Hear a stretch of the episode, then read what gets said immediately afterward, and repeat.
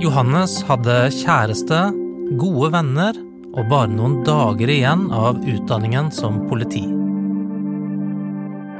Likevel prøvde han å ta sitt eget liv. Nå vil han hjelpe andre menn som sliter.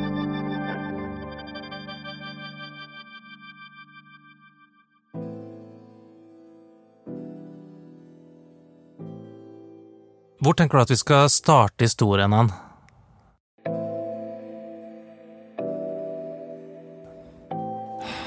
Si da, altså Jeg er jo på en måte litt opptatt av at det kanskje ikke er min spesifikke historie som er det viktige med min åpenhet, det er heller på en måte hovedtrekkene som andre kan relatere seg til, da.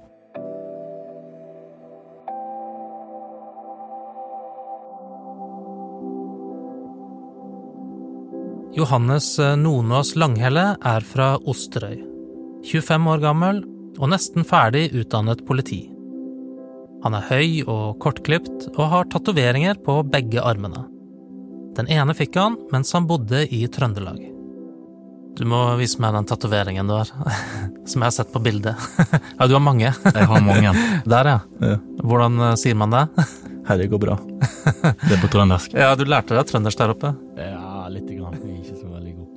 Selv om Johannes har eh, tatovert inn at dette går bra, så har mye i livet hans vært vanskelig de siste årene. Han sier det ikke er så lett å trekke frem én ting som gjorde at han fikk en eh, alvorlig depresjon. I stedet var det som om han bar på en ryggsekk som gradvis ble tyngre og tyngre. Det starta nok i hovedsak eh, med skilsmisse mellom mor og far og litt sånn tøffe tider der, og så har han nok alltid vært eh, litt sånn høysensitiv som barn. Hatt litt temperament, litt følelser eh, i bunn, på en måte, og at det ble eh, altså vekka ekstra godt til liv, da, der. Ehm, og så blir det da på en måte forsterka gjennom at den ryggsekken blir fylt opp, da. Så når du da eh, først går på smellen, så blir det veldig stort.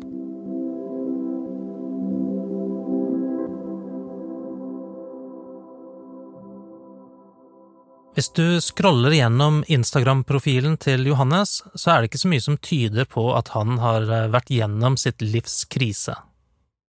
Det er bilder fra fester, jaktturer og ferier med venner. Ofte smiler han. Men i ett av innleggene forteller han en annen historie, om at han en vanlig dag i januar i fjor prøvde å ta sitt eget liv. Folk ble jo veldig overraska når jeg først var åpen om det. Kanskje en av de siste de tenkte kom til å havne i den situasjonen. Men det er jo et veldig sånn grei ting å tenke på, da.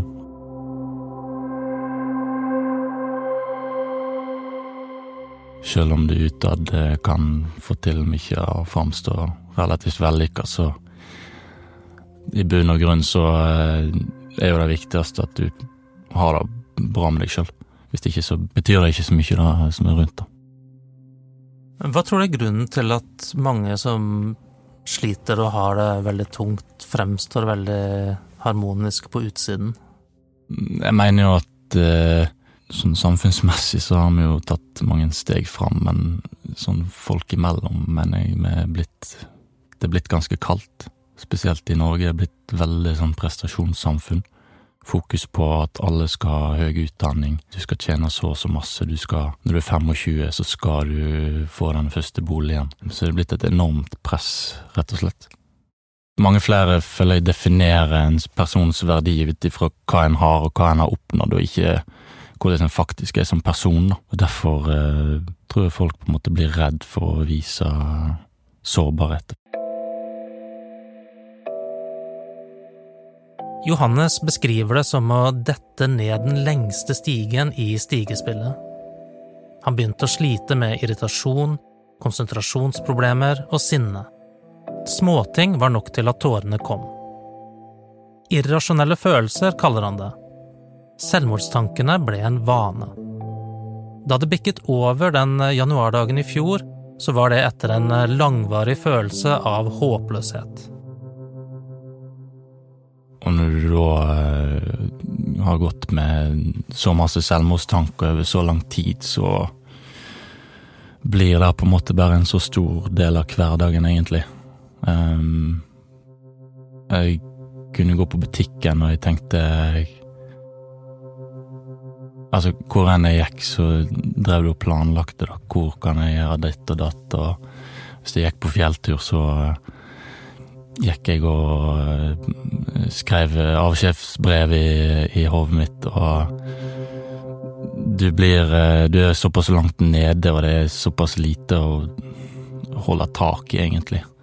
At det på en måte ikke er den eh, spesifikke situasjonen der og da som var så viktig, men det er hvor du havner, da, over tid.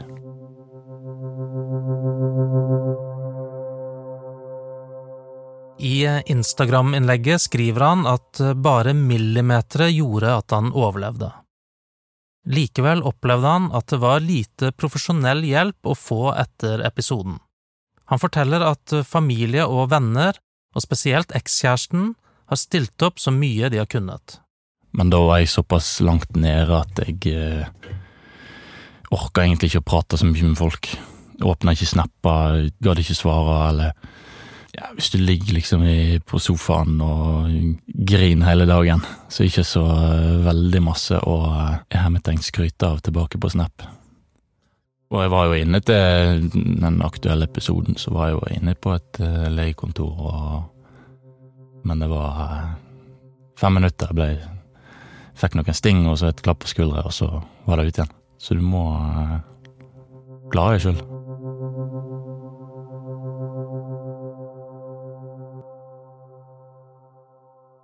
Folk som allerede har forsøkt å ta livet sitt, har mye større risiko for selvmordsforsøk, spesielt den første tiden.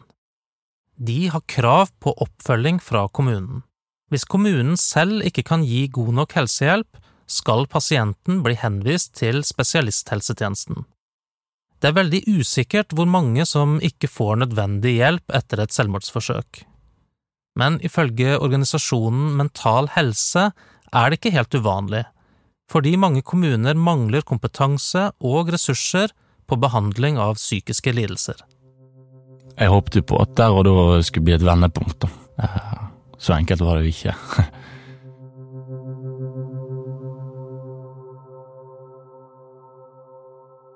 Johannes er opptatt av å forklare at eh, psykisk sykdom ikke bare sitter i hodet, at det gir fysiske plager også.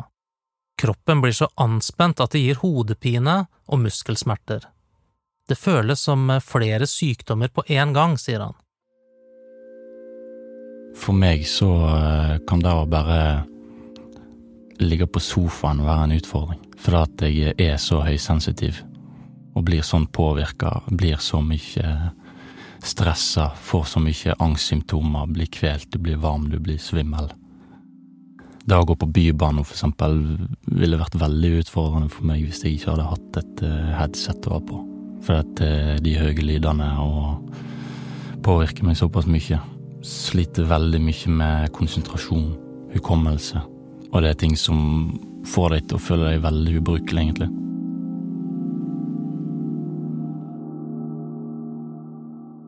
Mens Johannes eh, sto midt oppi denne krisen, så skulle han ta et eh, avsluttende kurs på politiutdanningen. Han hadde bare ni dager igjen for å fullføre. Det kurset var på en måte midt oppi dritten, men jeg følte det ville vært eh, såpass nederlag å ikke prøve. Så jeg gjorde det, klarte å være der ei uke, og så var jeg ferdig. Var helt eh, Sov ikke om nettene, bare hadde mareritt, lå og grein på gulvet på ettermiddagene.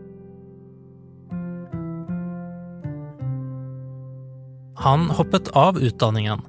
Det ble ikke noe nederlag, men en befrielse.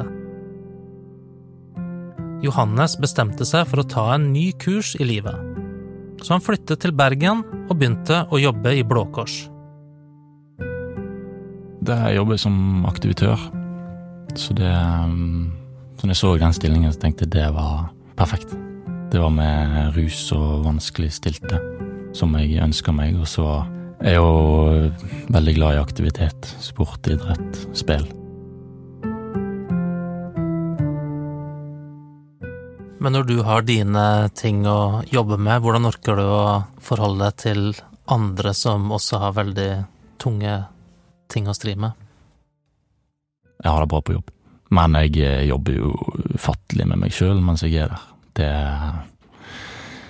Puster med magen har fått en uh, ny mening for meg, og det å kanskje klare å stenge ute litt støy og Ja, det er, det er en ekstra jobb på jobben.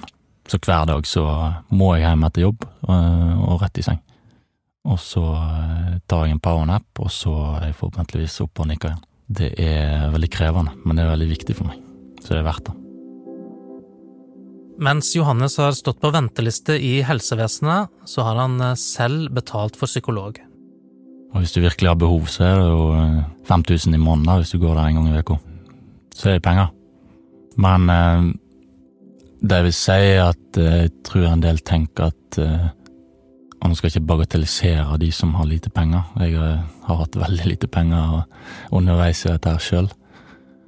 Men har du litt penger, så ta deg råd til iallfall én time eller to. For at det lite kan gjøre mye, rett og slett. Ikke spar på, på den bufferen der. Bruk den. Det er de viktigste pengene du bruker.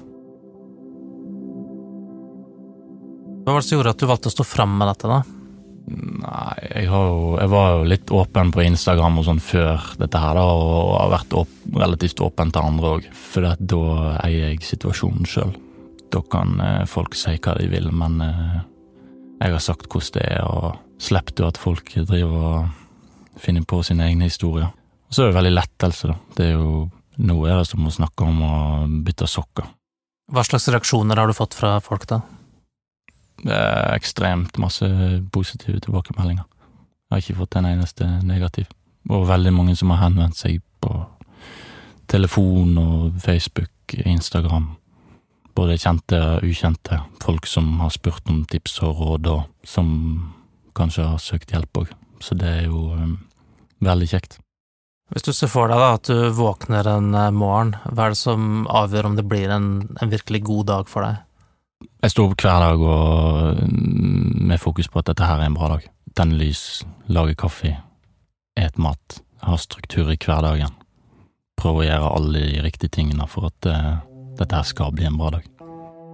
Um, bruke teknikker, alt jeg har lært i løpet av dagen.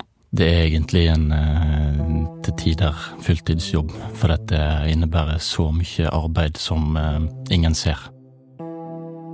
Og så hender det at jeg uh, blir sliten, du blir Det bikker litt, sånn kroppen havner i ubalanse, og da har du veldig lite å stå imot med. Men hver dag så er en ny dag for meg. Uansett hvor eh, dritt det var kvelden før. Menn som ikke snakker om følelser, må passe på, mener Johannes. De må sørge for å få lettet på trykket på andre måter eksempel gjennom trening eller musikk. Selv har han en teknikk der han bruker små ting i hverdagen til å gjøre livet bedre. Med eksempel en kaffekopp. Istedenfor at du står opp om morgenen og lager kaffe, og så rusher du, du har litt dårlig tid, og så hiver du i deg en kaffekopp uten å egentlig Du husker egentlig ikke etterpå at du har drukket kaffe sjøl om du liker det veldig godt.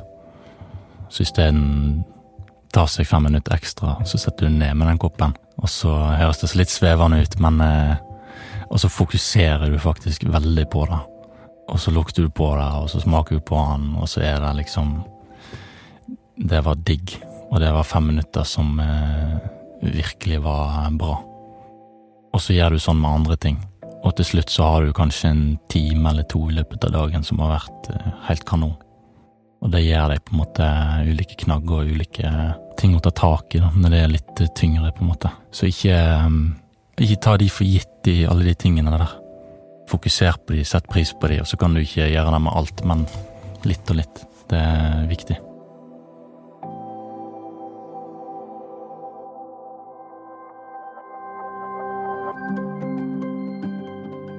Hvis du trenger noen å snakke med etter å ha hørt denne episoden, så kan du ringe Mental Helses hjelpetelefon på 116 123, når som helst på døgnet.